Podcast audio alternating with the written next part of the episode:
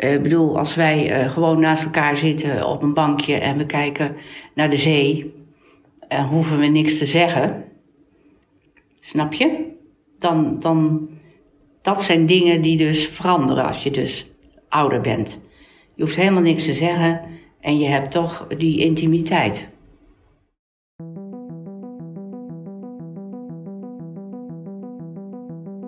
Je luistert naar Van haar sokkel, een podcastreeks van theatergezelschap Speels Collectief. Speels Collectief is een divers, mixed-abled theatergezelschap en maakt theater dat de norm bevraagt, verwondering zoekt en het ongewone omarmt. Ik ben Sanne Arbouw en in deze podcast stel ik je voor aan zeven vrouwen, waarmee ik in gesprek ging over hun seksualiteit en vrouwelijkheid.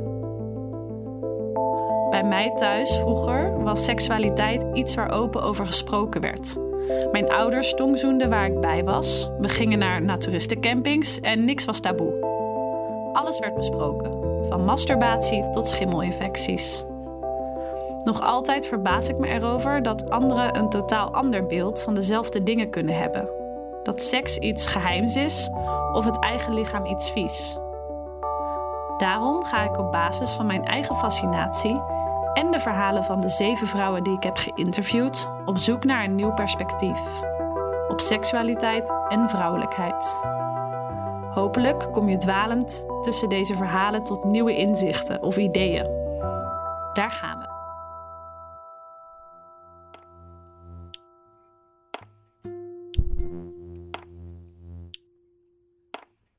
In een wereld waarin schoonheid en perfecte plaatjes het beeld van de werkelijkheid vervagen en vervangen, trekken wij in deze podcastreeks het ideaalbeeld van haar sokkel. Ik vond doodeng. Ja? Ja? Ja. Hoezo? Nou, ik dacht van, dat is het meest, meest veilige om te eh, doen.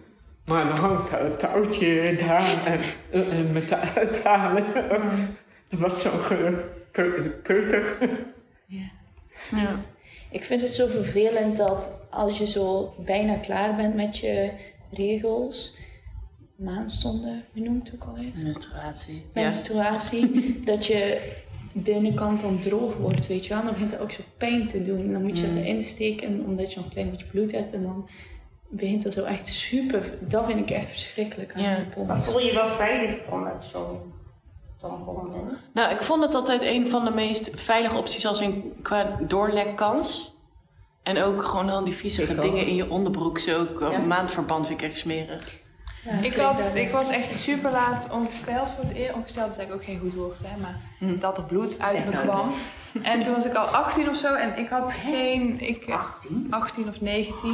Oh. Ja, ja. Krijg je trauma's van, hoor. Dan voel je je helemaal geen vrouw de hele tijd. Nee. Maar ehm, Is dat echt zo? Ja, Dat is laat. ja. En dat kwam ook kunstmatig op gang en zo. En ik wist toen nog niet dus hoe je een tampon erin moest doen. En ik wist ook niet dat er zo diep iets naar binnen kon. Want ik had ook verder nooit iets erin gestopt. en toen dacht ik dus dat het een soort stop was die je erop moest doen. Net als een kurk op een wijnfles. Oh ja. Dus ik had die zo... Die, zag hem zeg maar nog aan de buitenkant. En, ik kon, en ik was aan het oppassen. Dat is Dus ik kon helemaal niet zitten. Maar ik vond ik ook niet tegen die oppaskinderen. Dus ik heb toen echt zo... Oh, dat was echt Ja. super pijnlijk. En toen ging ik naar het zwembad.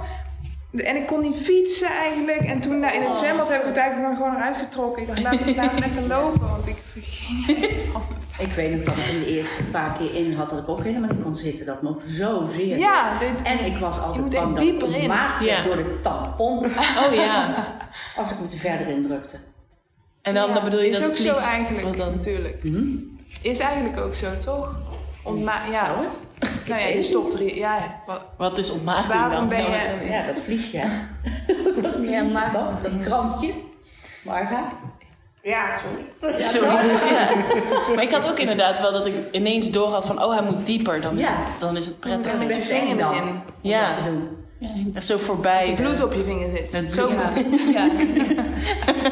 ik vind het ook heel Dat je raar daarna dat zo je- onder de kraan zit. Zo, oh, tussen mijn nagelriem. Ja. En dan moet je...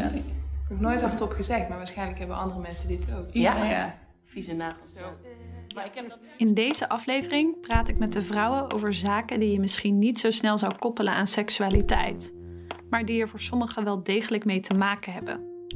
Ik bespreek met de vrouwen hoe ze ziekte, rouw en verlies ervaren met betrekking tot hun lichaam en hun seksualiteit. En ik ben benieuwd welke rol pijn speelt in hun seksleven. Met name bij degenen die door een beperking vaak of constant pijn ervaren.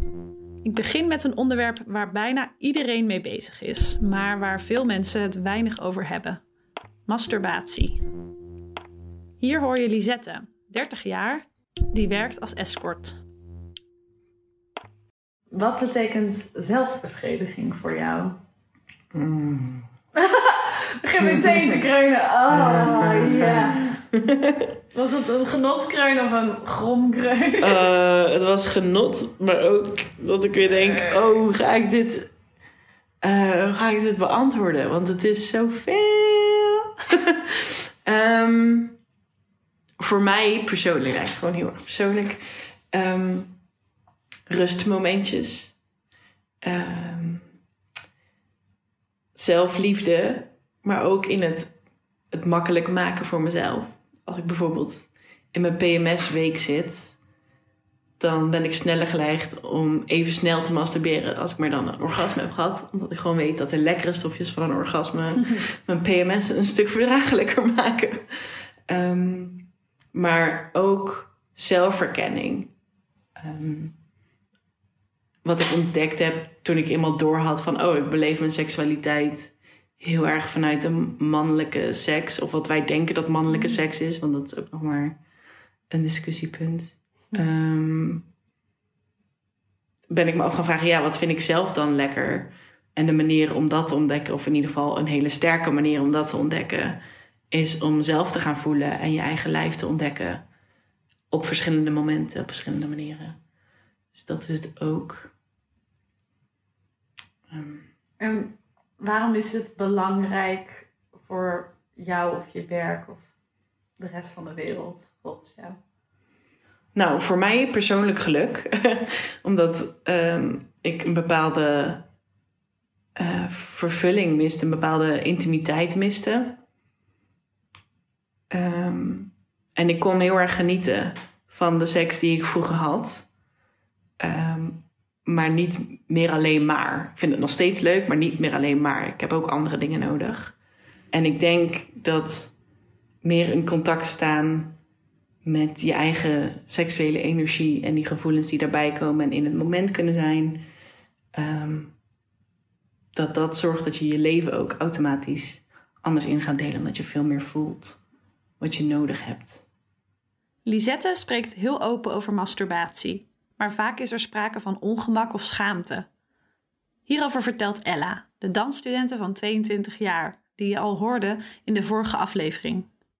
Ehm, in mijn familie praten ze, daar sowieso niet heel erg over. Ehm, en ook vroeger was het enige met wie ik over praatte, dus mijn, mijn 16-jarig vriendje. Ah, Het was niet eens praten, het was gewoon doen. En ja, je schaamt je gewoon best wel over heel veel dingen. Over ehm,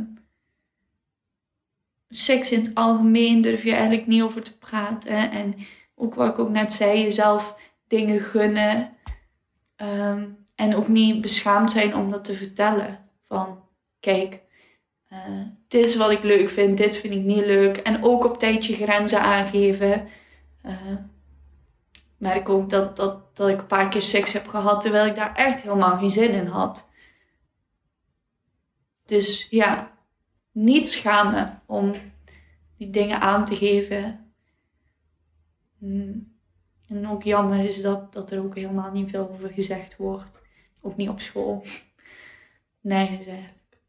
Dus je moet het ook zo allemaal zelf ontdekken. En eh, ja, dat is moeilijk. Ook Merel, 31 jaar, theatermaker en heeft de Master Gender Studies gedaan, herkent het taboe op masturbatie en op seks in het algemeen. Nou, eh, dit is grappig, want eigenlijk is het best wel abstract, hè? de vragen die we tot nu toe. is best wel hoe zit je in je lichaam, is niet wat vind je lelijk aan jezelf, zeg maar. En hoe, dit is zo'n poef concrete vraag. En dan voel ik dus echt ongemak tot en met. dus wat betekent dat? Ehm, ik doe dat wel. Dat vind ik al een heel ding om dat hardop te zeggen. Ik heb dat echt ook namelijk heel lang niet gedaan. Dus een eerste relatie en toen... Ik had dat nooit gedaan. Ik moest van mijn moeder... Of dat moest niet, maar die heeft een keer gezegd van... Het is wel normaal om dat een keer, om een keer jezelf te voelen. Of, of met een spiegeltje even te kijken hoe het eruit ziet of zoiets. En ik vond dat zo... Ik was dus helemaal nog in mijn boosheid en ik heb dat dus wel gedaan in die boosheid. Van nou ja, oké, ik heb het gedaan. Ik zit nu te voelen. Ja, fuck dat. Flikker op. Ik vond het gewoon allemaal vreselijk. dus uh, ik heb dat gedaan op een 18 voor het eerst. Niet masturbatie, hè? gewoon voelen en denken: ja, oké, wat ik voel niks. Wel rusten. En dus ik had echt met dus mijn eerste relatie voor het eerst, wat ik net zei, zo een orgasme, wat is dit? Of zo, kwam ineens zo. En daarna ging ik dat dan voelen. Van wat, wat, wat had ik nou gevoeld met haar? Of hè, kan ik dat dan reproduceren? Kan ik dit herhaalbaar maken? En dat was toen heel... Ja, wat betekent het voor mij? Ik ga nu helemaal uitweiden. Moet ik maar gewoon een beetje vertellen over mijn masturbatieverleden? Toen uh, deed ik dat gewoon heel fysiek. Bijvoorbeeld het hele concept fantasieën had. Ik had ook nog nooit gefantaseerd over wat ik dan aantrekkelijk... Want ik vond het allemaal vies en ik was er boos op. En toen was ik dus met haar en dat was gewoon wat het was. Dus masturbatie was dan heel fysiek. Gewoon puur, wat kan er allemaal? Hoe werkt dat dan? En dat vond ik dan wel fijn, maar niet dat ik daar dan niet bij dacht of zo. En dat kwam daarna wel een beetje dat ik ook wel over mannen soms fantaseerde. Omdat ik dus met een vrouw was, maar niet echt lesbisch was, maar ook weer wel of zoiets. Ehm, en ik, ja, wat betekent dat voor mij nu? Uh, ik heb het er nooit over. Met één vriendin wel eens. Dus ik weet er ook niet zo goed woorden aan te geven. Dit vind ik wel boeiend, want ik heb het over heel veel altijd. En ik weet altijd heel makkelijk dingen te verwoorden. En hier, ik weet nu niet zo goed.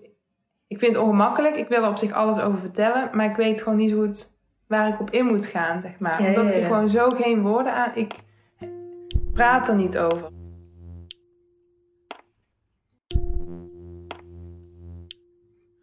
Hoe geëmancipeerd we ook proberen te zijn, zelfs anno 2022 zijn er dingen waar we het niet over durven of willen hebben.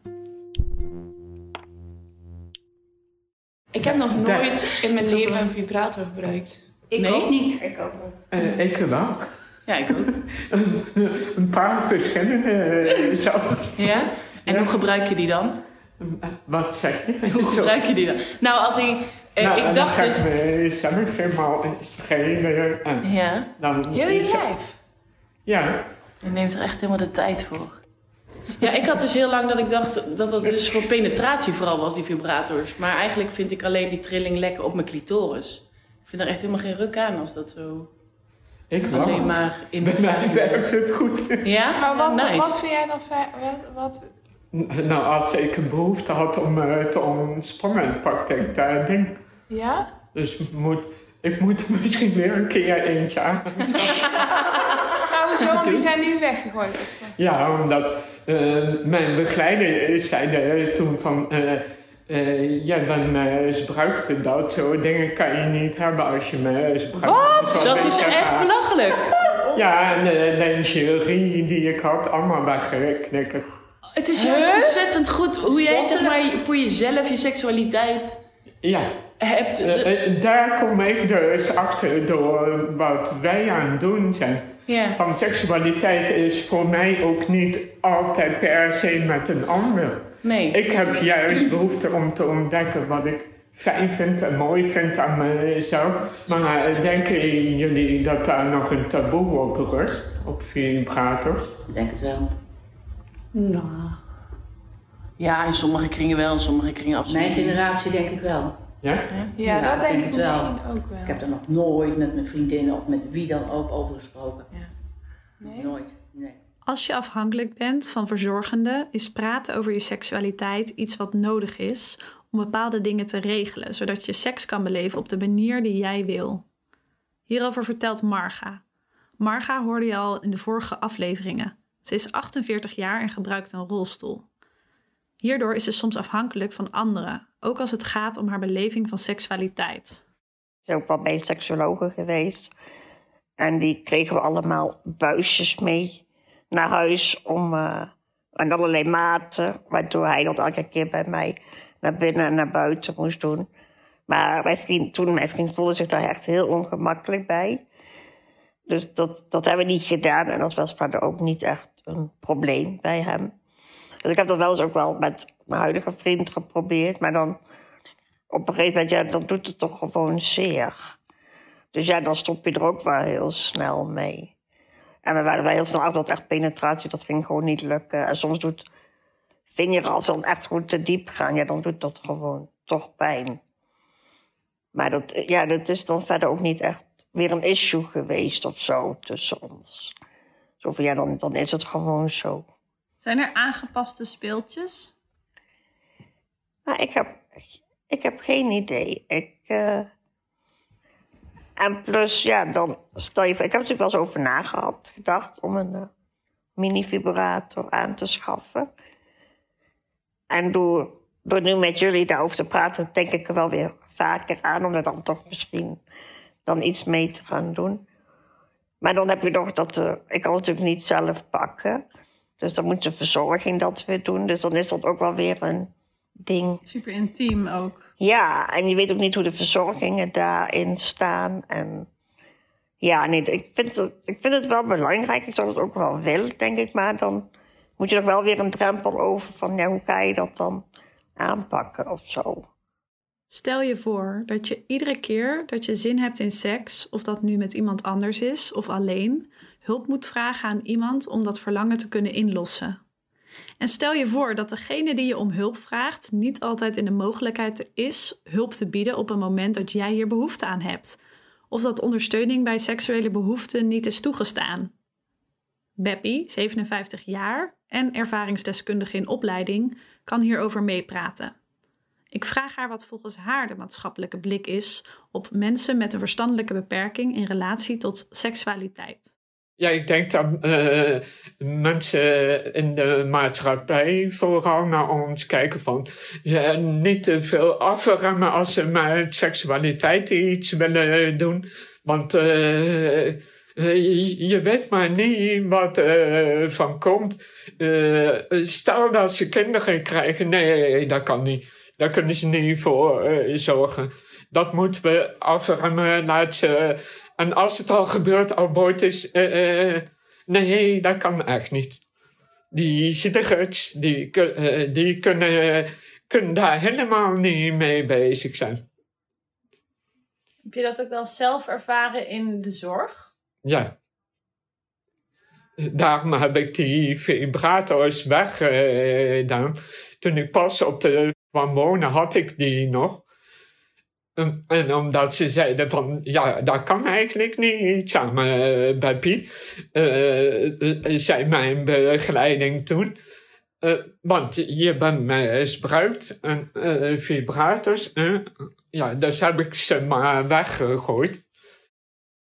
Ook bij Marloes heeft haar beperking invloed op haar beleving van seksualiteit. Ze is 34 jaar, actrice en theatermaker en gebruikt een rolstoel. Ik ben benieuwd of Marloes gevoelens ervaart van rouw en verlies met betrekking tot haar lichaam en seksualiteit. Um, nou, ik ben in mijn leven wel aardig wat um, verlies tegengekomen van lichamelijke functies. Um, en ik was even toen ik vorig jaar een dwarslesie kreeg en merkte dat ik geen gevoel meer had of weinig gevoel meer had in mijn schaamstreek. Toen was ik even bang dat ik dus ook geen gevoel meer zou hebben in mijn clitoris. En toen uh, heb ik die avond nog helemaal blij mijn vriendin en mijn zusje opgebeld. Van ja, ik kan nog een orgasme krijgen. We hebben een orgasmefeestje hier. dus um, voor, dat, voor dat verlies was ik wel even bang. Omdat dat ook eigenlijk. Omdat ik niks heb met streling of andere punten in mijn lichaam. Um, En dat voor mij alleen daar gevoel zit. ehm, was ik wel even bang dat dat weg zou zijn. Maar dat is eh, gelukkig niet zo.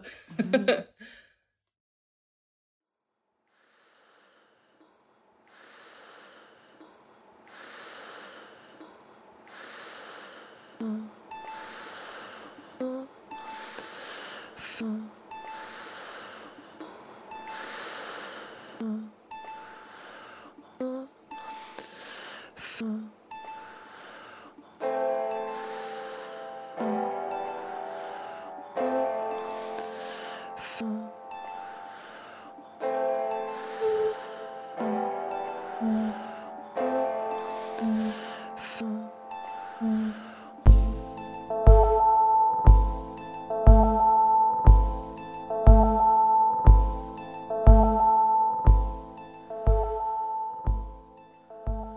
Marga vertelt hoe genot en pijn zich voor haar tot elkaar verhouden.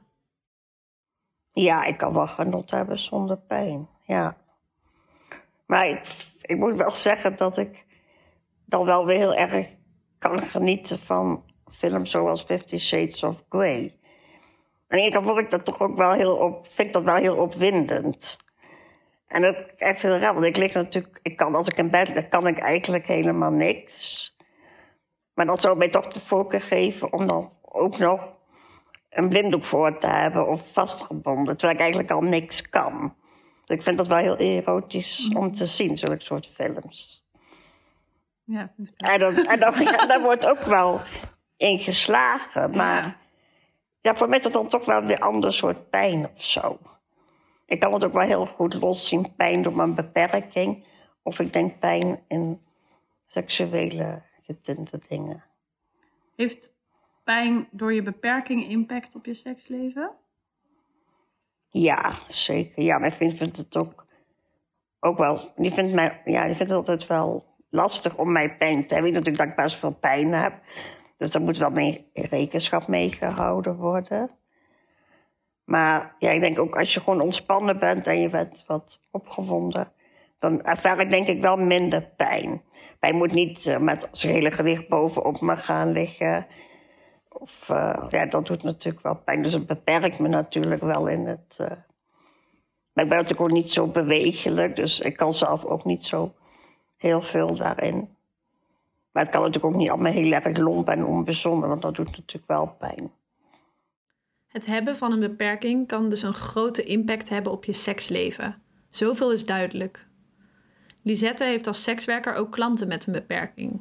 Hoe is het om, zoals zij het noemt, te daten met klanten die permanent pijn ervaren door een fysieke beperking? Ik denk uh, verrijkend. Uh, ik heb altijd toch de neiging om dan te zeggen, ja, maar dat ligt niet per se aan dat iemand een beperking heeft. Het is gewoon omdat iemand weer een heel eigen persoon is met een eigen leven en zo eigen quirks, dingetjes waar je rekening mee moet houden. Um, en bij mensen met een beperking of een chronische ziekte ligt dat meer voor de hand misschien en bespreek je dat sneller. Maar je leert gewoon een persoon kennen, inclusief hoe dat je daarmee om moet gaan. Um, dus nu zo de eerste afspraken, eerste mensen waar ik aan denk die ook echt pijn hebben de hele tijd, dat, of pijn die bijna altijd aanwezig is, dan gaat het juist veel meer om kijken naar hoe we dat kunnen verzachten. In plaats van daar mee spelen. Maar jaren geleden heb ik inderdaad ook een man gehad die um, eigenlijk alleen maar met zijn onderlip kon be bewegen. Die had volgens mij ook SMA. Um, en dat hij het ook spannend vond om daar een BDSM-speel in mee te doen. Pijn kan op veel manieren van invloed zijn op iemands seksleven. Merel, die we net al hoorden over masturbatie, vertelt over de periode waarin ze door langdurige ziekte nauwelijks seksueel actief was. Dit had een bijzondere uitwerking op haar relatie. Toen ik die mijn eerste relatie had, na een jaar werd ik ziek. En dat heeft drie jaar geduurd, dat ziek zijn.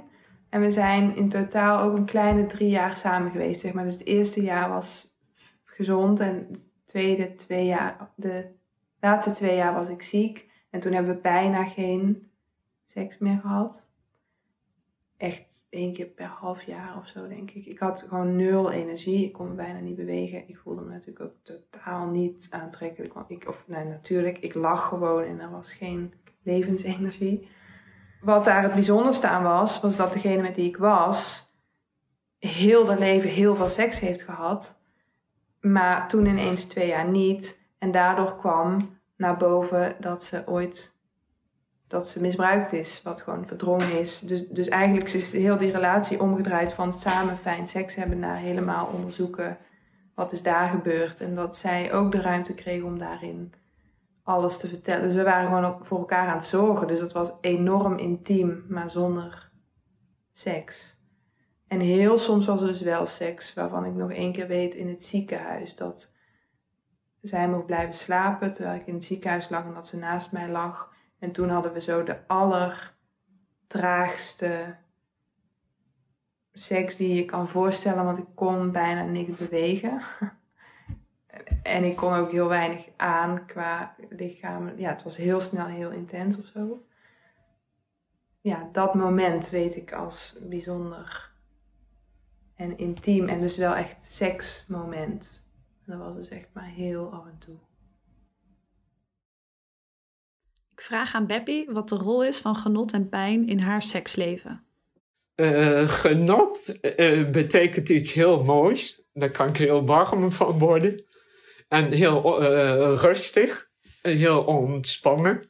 Dat is bijvoorbeeld de ervaring met vibrators. Daar kan ik ook een tijd van genieten. En pijn is echt afgrijzelijk om, omdat daar voor mij altijd een machtsverhouding in is. Vader, kind of hulpverlener, kind. En dat doet mij heel erg pijn. En um, kan je genot hebben zonder pijn? Ja, denk ik wel dat je genot kunt hebben eh, maar zonder jij, pijn. Jij, Beppie? Ik dat? denk dat ik soms wel eens bij mezelf de grenzen heb opgezocht. Maar ik denk dat ik nu iets te veel de grens heb opgezocht.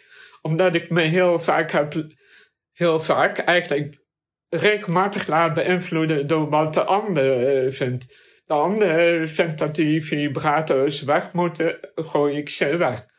En eigenlijk vind ik zelf eh, dat ik daar gewoon mee door kan gaan. Het is mijn leven, mijn seksualiteit. En uh, dat is ook een van de uh, dingen die ik nu weer opnieuw wil gaan ontdekken. Hoe, hoe is dat als ik uh, daar weer mee ga experimenteren? Met Edith, van 71 jaar oud, heb ik het over haar jongere zelf. Hoewel ze momenteel al lang getrouwd is met haar tweede man, verloor ze op jonge leeftijd haar eerste geliefde.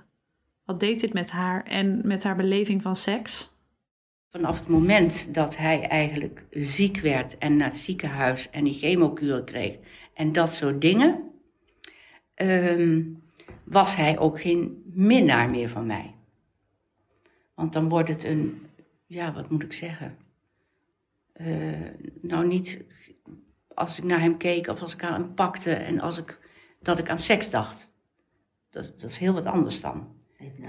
Je hebt een dubbele rol of eens. Je bent ja, heel anders ineens. Ja. ja. En vanaf dat hij eigenlijk uit het ziekenhuis kwam, naar die chemokuur, had ik de knop omgezet. En dacht ik ook nooit meer aan seks. En dan denk ik, wat raar is dat, dat ik dat gewoon helemaal uitgeschakeld heb in mijn hoofd. Pas jaren later, vertelt ze, kwamen er weer verliefde gevoelens terug. Kwam het wel terug, ja na anderhalf jaar, of nee, niet anderhalf jaar. Uh, even denken. We gingen naar ja, ik ging daar met mijn ouders naar Italië. En dan heb je een andere omgeving natuurlijk wel weer. En dan heb je de zee en het strand en de zon. En dan krijg je toch weer bepaalde. Voelde ik ook dat ik bepaalde gevoelens kreeg, maar dan voelde ik me wel schuldig ten opzichte van hem. Op een of andere manier. Maar dat, dat went ook allemaal natuurlijk dan ook. Verandert voor Edith ook de rol van intimiteit met het ouder worden? De intimiteit, nee, die verandert niet. Die wordt niet, uh, niet minder of zo, dat, dat, dat, is, dat blijft natuurlijk. Hè? Ja, ook wel anders. Hè? Ik bedoel, dat is net wat ik, zeg tegen, net wat ik zei tegen jullie. Eh, ik bedoel, als wij eh, gewoon naast elkaar zitten op een bankje en we kijken naar de zee, en hoeven we niks te zeggen. Snap je? Dan, dan, dat zijn dingen die dus veranderen als je dus ouder bent. Je hoeft helemaal niks te zeggen en je hebt toch die intimiteit. Intimiteit. Twee mensen die kijken naar de zee. Die definitie had ik er nog niet bij bedacht en zullen we waarschijnlijk ook niet terugvinden in het woordenboek. Op mij hebben deze verhalen een grote indruk gemaakt. Ik vind het mooie aan deze ervaringen dat er vaak iets werd herontdekt, ook al kwam het in een nieuwere vorm.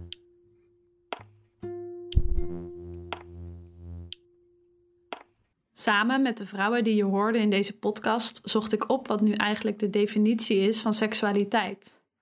In het online woordenboek van de Vandalen vonden we de definitie seksualiteit is geslachtsverkeer. Geslachtsverkeer is geslachtsgemeenschap. En geslachtsgemeenschap is het paren van man en vrouw waarbij de man met zijn penis de vagina binnengaat. We belden met de Vandalen over deze toch wel wat beperkte definitie. Hallo, eh, spreek ik met de redactie van de Vandalen?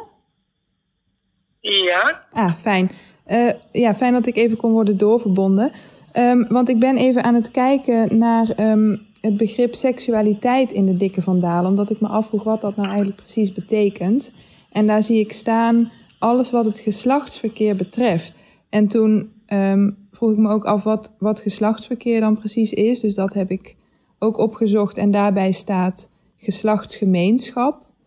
En bij geslachtsgemeenschap staat ehm, het paren van man en vrouw, waarbij de man met zijn penis de vagina binnengaat. Dus eigenlijk staat er dan in, de, in het online woordenboek letterlijk: seksualiteit is ehm, het binnengaan van de penis van de man eh, bij de, in de vagina van de vrouw. Ehm, ja. Ja, en ik dacht dat, ja, eh, is, is dat inderdaad de definitie van seksualiteit? Ehm, nou, misschien tegenwoordig eh, niet meer, maar dan moet ik zeggen dat de definitie van seksualiteit in de dikke vandalen is denk ik eh, wat beperkt voor wat er tegenwoordig onder wordt verstaan. Dus Ja, het zegt eigenlijk maar één, één heel klein onderdeel van, van wat het zou kunnen omvatten. ja, ik denk dat we wel gelijk in hebben. Ik denk heel eerlijk gezegd dat, het, dat de definitie van seksualiteit in de dikke vandalen, dat daar al lang niet meer naar gekeken is. nee, oké. Eh, wat ik kan doen is eh, dat onder de aandacht brengen en ehm, vragen of ze die definitie, wat ehm, ehm, de definities in, in al, al die titels, wat beter bij de tijd kunnen brengen, zoals het heet, meer eh actueler kunnen maken, omdat we de opvatting over seksualiteit inderdaad wel, nou ja, misschien al langer, maar zeker de laatste tijd eh, enorm aan het eh, verschuiven zijn en eh, Ja, aan het uitbreiden. En dat, nou ja, ja het, het lukt gewoon niet altijd om, om al die woorden en al die termen dagelijks bij te houden, bij wijze van Ja. spreken. Omdat er heel Ja. veel aan het verschuiven is op het moment. Dus Ja. ja. ja. oké. Nou, hartelijk bedankt voor uw tijd. Oké. Nou, u ook bedankt voor, voor de vraag. En, ehm, ehm, en het mij doen inzien dat, dat er wat moet gebeuren. Nou, heel graag gedaan. Oké. Dan wens ik u nog een hele fijne dag. Dankjewel, hetzelfde. Dag. Dag. Hebben gewoon de vandalen.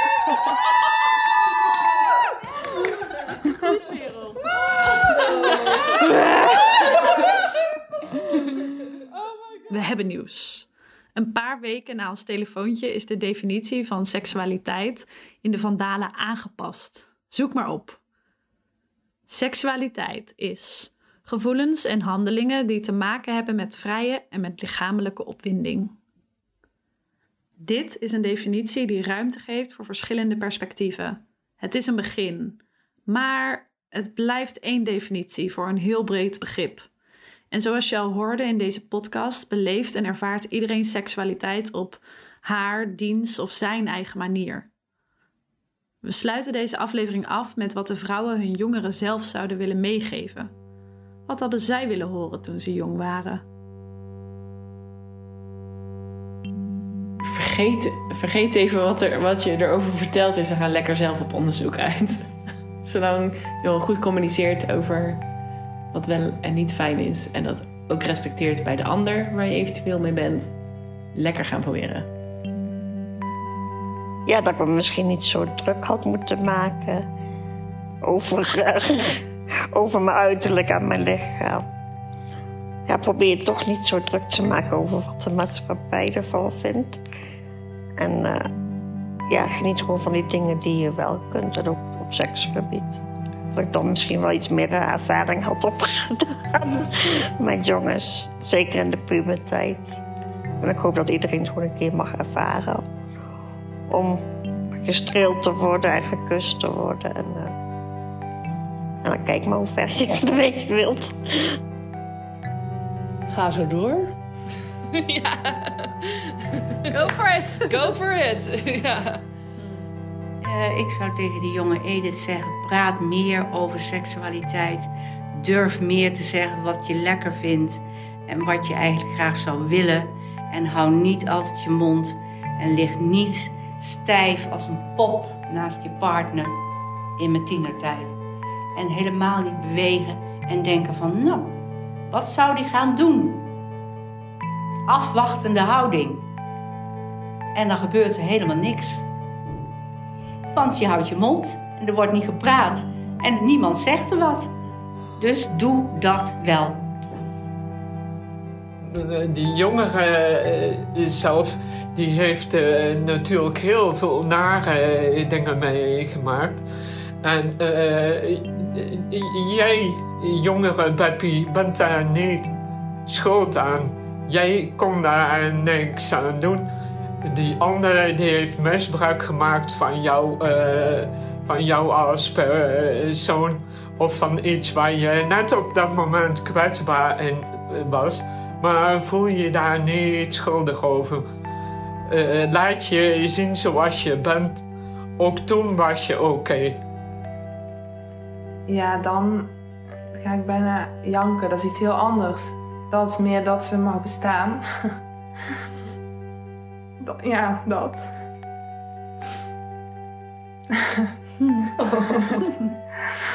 ja, eigenlijk gewoon dat, dat, gewoon dat ze er gewoon is en dat dat goed is. ja.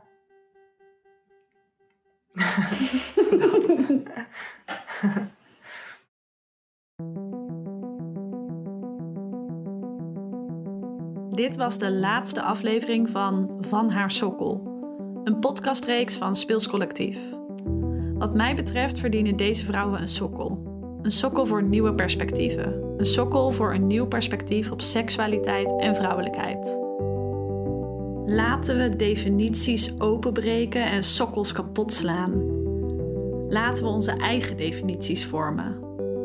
Laten we doen wat we zelf willen, met wie en wanneer we maar willen, met consent natuurlijk. Laten we allemaal ons allergrootste zelf durven zijn.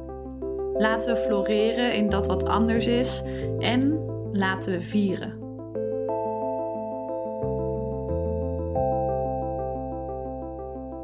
Bij elke voorstelling maakt Speelscollectief een podcastreeks. Deze podcastreeks hoort bij de voorstelling Usually I'm on Top, die ik maak samen met choreograaf Ulrike Dosman en de vrouwen die je zojuist hoorde. Het wordt een voorstelling over seksualiteit en vrouwelijkheid en gaat 9 maart in première. Als je meer wilt weten over ons en onze komende voorstellingen, kijk dan op www.speelscollectief.nl. Abonneer je vooral om niks te missen en ben je fan, laat dan zeker een recensie achter. Dan kunnen anderen de podcast ook weer beter vinden. Veel dank aan alle vrouwen voor hun openheid. Ella de Koning, Marloes Dingshoff, Edith Heij, Beppie Jansen, Marga Kamperman, Merel van Lieshout en Lisette Mepsen. Bedankt Ulrike Dosman, Dana van den Heuvel en William van der Voort voor jullie bijdragen en advies. De redactie werd gedaan door Bram Walter en Sanne Arbouw. De montage en mixage werd verzorgd door Koen Rijnen. De artistieke leiding door Merel van Lieshout en Sanne Arbouw. Bedankt voor het luisteren.